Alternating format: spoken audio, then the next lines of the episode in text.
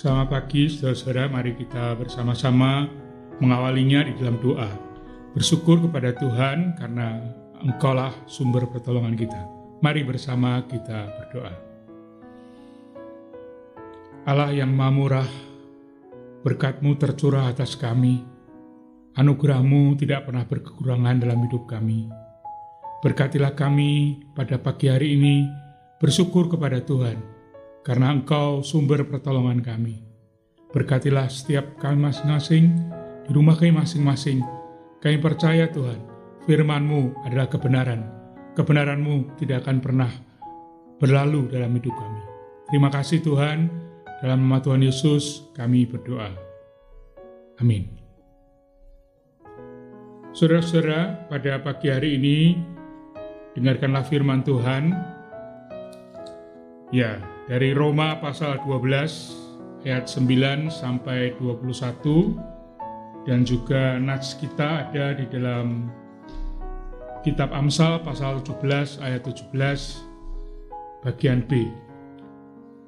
Yang pertama dari Roma 12 ayat 9 sampai 21. Demikian, saudara. Nasihat hidup dalam kasih. Hendaklah kasih itu jangan pura-pura. Jauhilah yang jahat dan lakukanlah yang baik. Hendaklah kamu saling mengasihi sebagai saudara dan saling mendahului dalam memberi hormat. Janganlah hendaknya kerajinanmu kendor, biarlah rohmu menyala-nyala, dan layanilah Tuhan. Bersukacitalah dalam pengharapan, dan sabarlah dalam kesesakan, dan bertekunlah dalam doa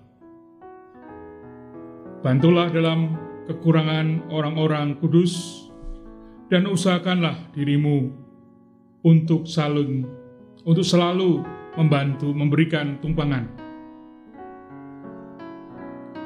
Berkatilah siapa yang menganiaya kamu. Berkatilah dan jangan mengutuk. Bersukacitalah dengan orang-orang yang bersukacita dan menangislah dengan orang yang menangis. Hendaklah kamu sehati sepikir dalam hidupmu bersama. Janganlah kamu memikirkan perkara-perkara yang tinggi, tetapi arahkanlah dirimu kepada perkara-perkara yang sederhana. Janganlah menganggap dirimu pandai. Janganlah membalas kejahatan dengan kejahatan lakukanlah apa yang baik bagi semua orang. Sedapat-dapatnya, kamu harus hidup bergantung padamu. Hiduplah dalam perdamaian dengan semua orang. Saudara-saudaraku yang kekasih, janganlah kamu sendiri menuntut pembalasan, tetapi beri tempat kepada murka Allah. Sebab ada tertulis, pembalasan itu adalah hakku. Akulah yang akan menuntut pembalasan firman Tuhan. Tapi jika seterumu lapar, berilah dia makan. Jika ia haus, berilah dia minum. Dengan berbuat demikian, kamu menumpukan bara api di atas kepalanya. Janganlah kamu kalah terhadap kejahatan, tetapi kalahkanlah kejahatan dengan kebaikan. Nats kita saudara-saudara dari Amsal pasal 17 ayat yang ke-17 bagian B. Seorang sahabat menaruh kasih setiap waktu dan menjadi seorang saudara dalam kesukaran. Amin. Saudara-saudara yang terkasih dalam Tuhan Yesus Kristus, secara natur manusia ingin mengejar mendapatkan kebahagiaan. Konsep kebahagiaan pada umumnya sehat, sejahtera, limpah kekayaan, dan materi. Dahulu orang merasa bahwa kebahagiaan itu dengan cara dibeli, dengan uang. Ternyata salah. Saya sangat menyesal. Dengan uang, kita memang bisa beli obat, tapi bukan kesehatan kita bisa beli makanan, tetapi tidak dapat membeli selera makan. Kita dapat membeli kasur yang empuk, tetapi bukan tidur yang nyenyak. Kita bisa membeli rumah yang besar, tetapi bukan ketenteraman dan kedamaian. Kita bisa membeli segalanya, tetapi bukan kebahagiaan. Kesenangan-kesenangan belum tentu menjadi sesuatu yang mendatangkan kebahagiaan buat kita dan mendatangkan ketenangan buat kita. Sebagai makhluk ciptaan Tuhan, sulit bagi kita seorang individu hidup seorang tanpa berhubungan dengan orang lain. Kita butuh teman, butuh sahabat. Alkitab mendukung ajaran nasihat persahabatan. Tetapi sahabat yang bagaimanakah itu? Ya, firman Tuhan tadi mengatakan ada teman yang mendatangkan kecelakaan, tetapi ada juga sahabat yang lebih karib daripada saudara. Amsal 18 ayat 20. Siapa bergaul dengan orang bijak menjadi bijak, tetapi siapa yang berteman dengan orang bebal menjadi malang. Itu Amsal 13 ayat 20. 1 Korintus pasal 15 ayat 23. Tidakkah kamu tahu bahwa persahabatan dengan dunia adalah permusuhan dengan Allah? Dalam Yakobus ayat 4. Yakobus 4 ayat 4.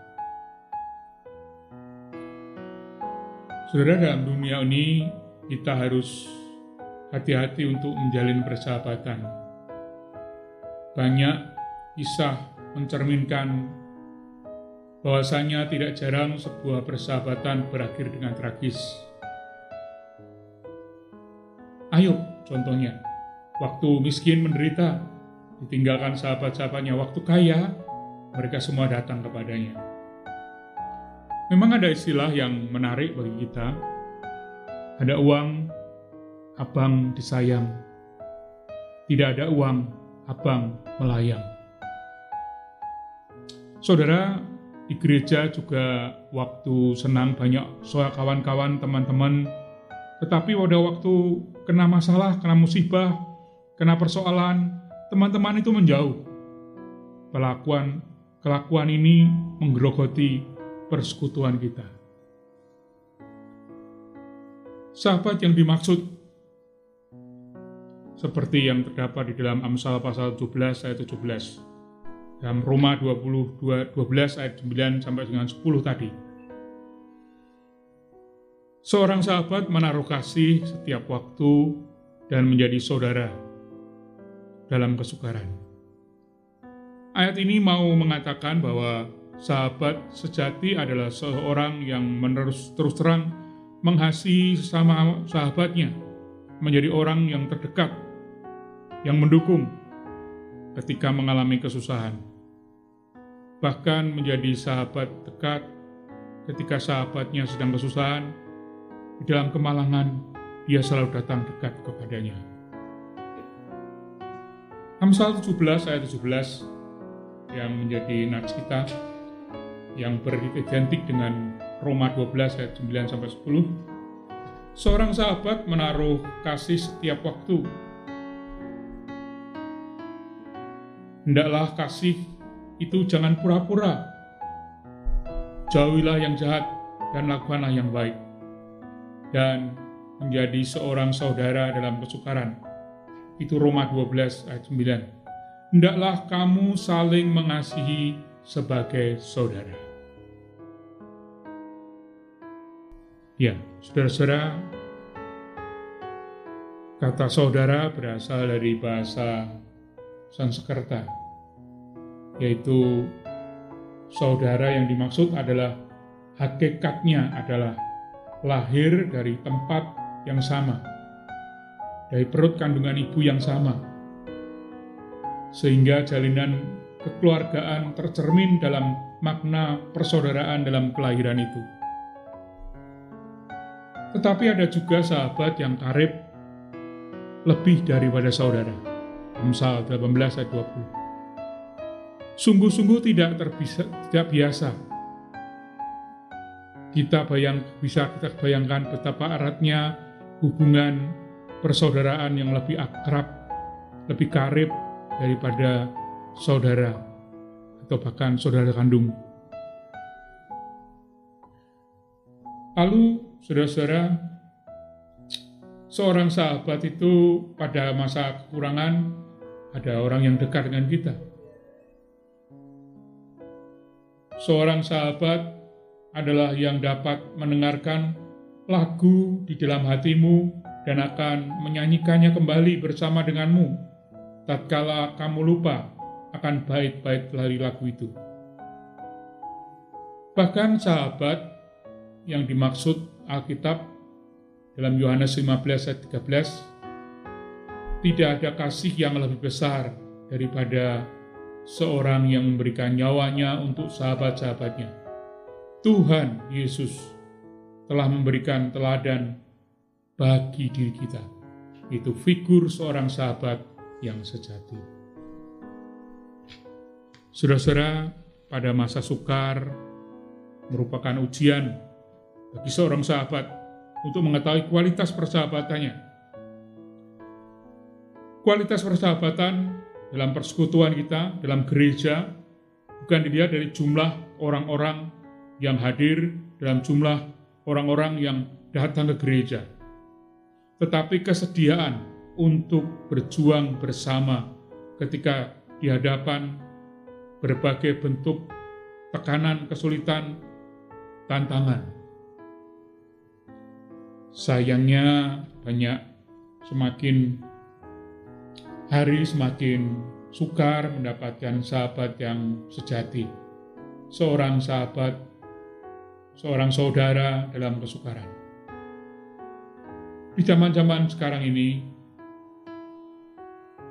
tidak mudah menemukan seorang sahabat yang menaruh kasih setiap waktu dan menjadi saudara dalam kesukaran. Amsal 17 ayat 17. Sahabat yang menjadi saudara adalah seorang yang berkorban, rela berkorban untuk sahabatnya. Bukan mengorbankan sahabatnya loh saudara. Sahabat yang mau berkorban itu tidak mencari keuntungan sendiri. Istilahnya gue tambah butuh. Tetapi ketika dia menjadi seorang sahabat, dia berada bersama dengan kita dalam kesukaran bersama, dalam kesenangan bersama, sukses senang bersama. Ia mau menerobos kesukaran, bahkan berguna untuk menolong sahabatnya yang sedang mengalami kesulitan.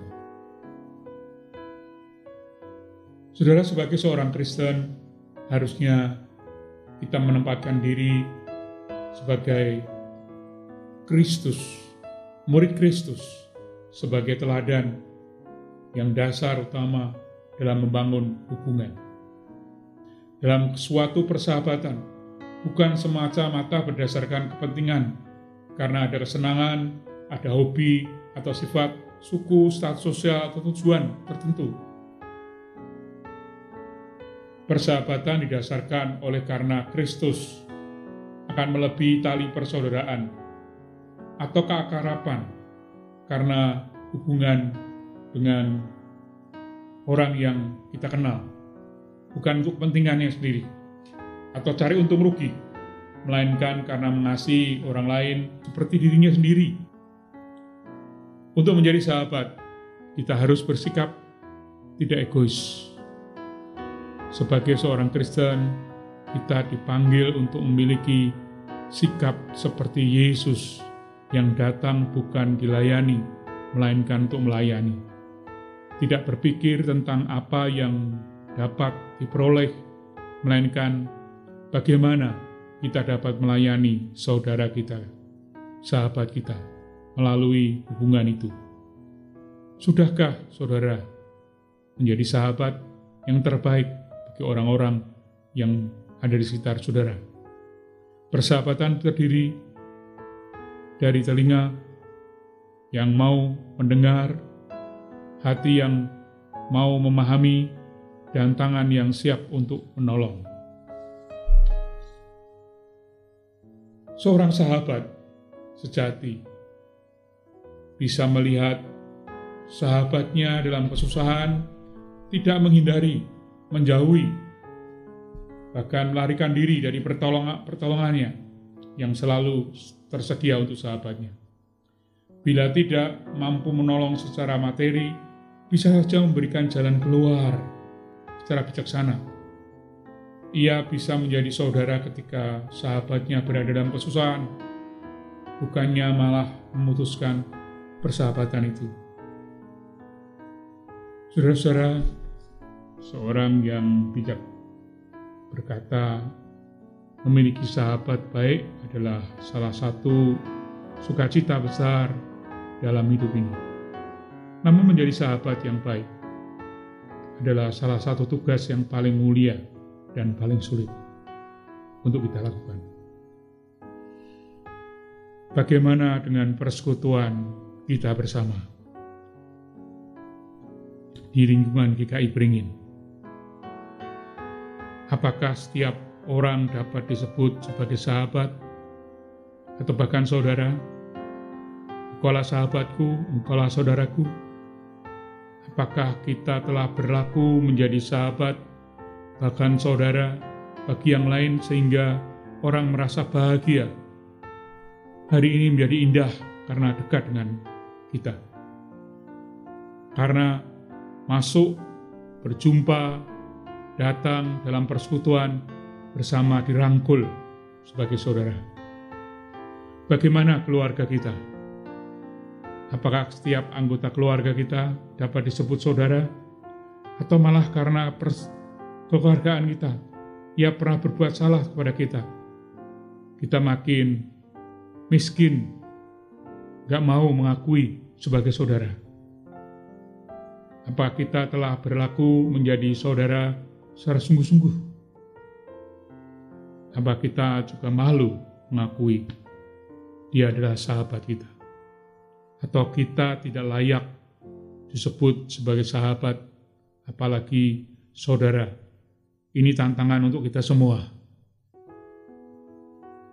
Tuhan mencurahkan kasihnya yang besar bagi kita, supaya kita dapat mengasihi sesama kita terutama di dalam keluarga.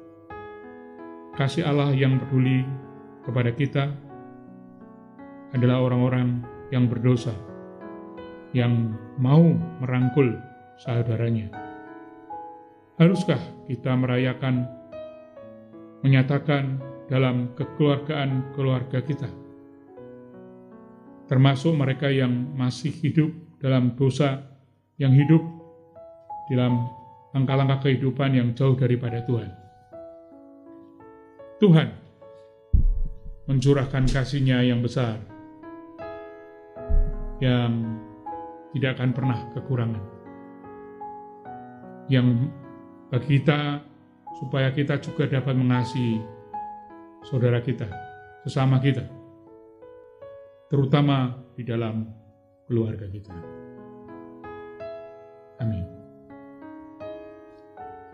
Mari bersama kita menaikkan doa.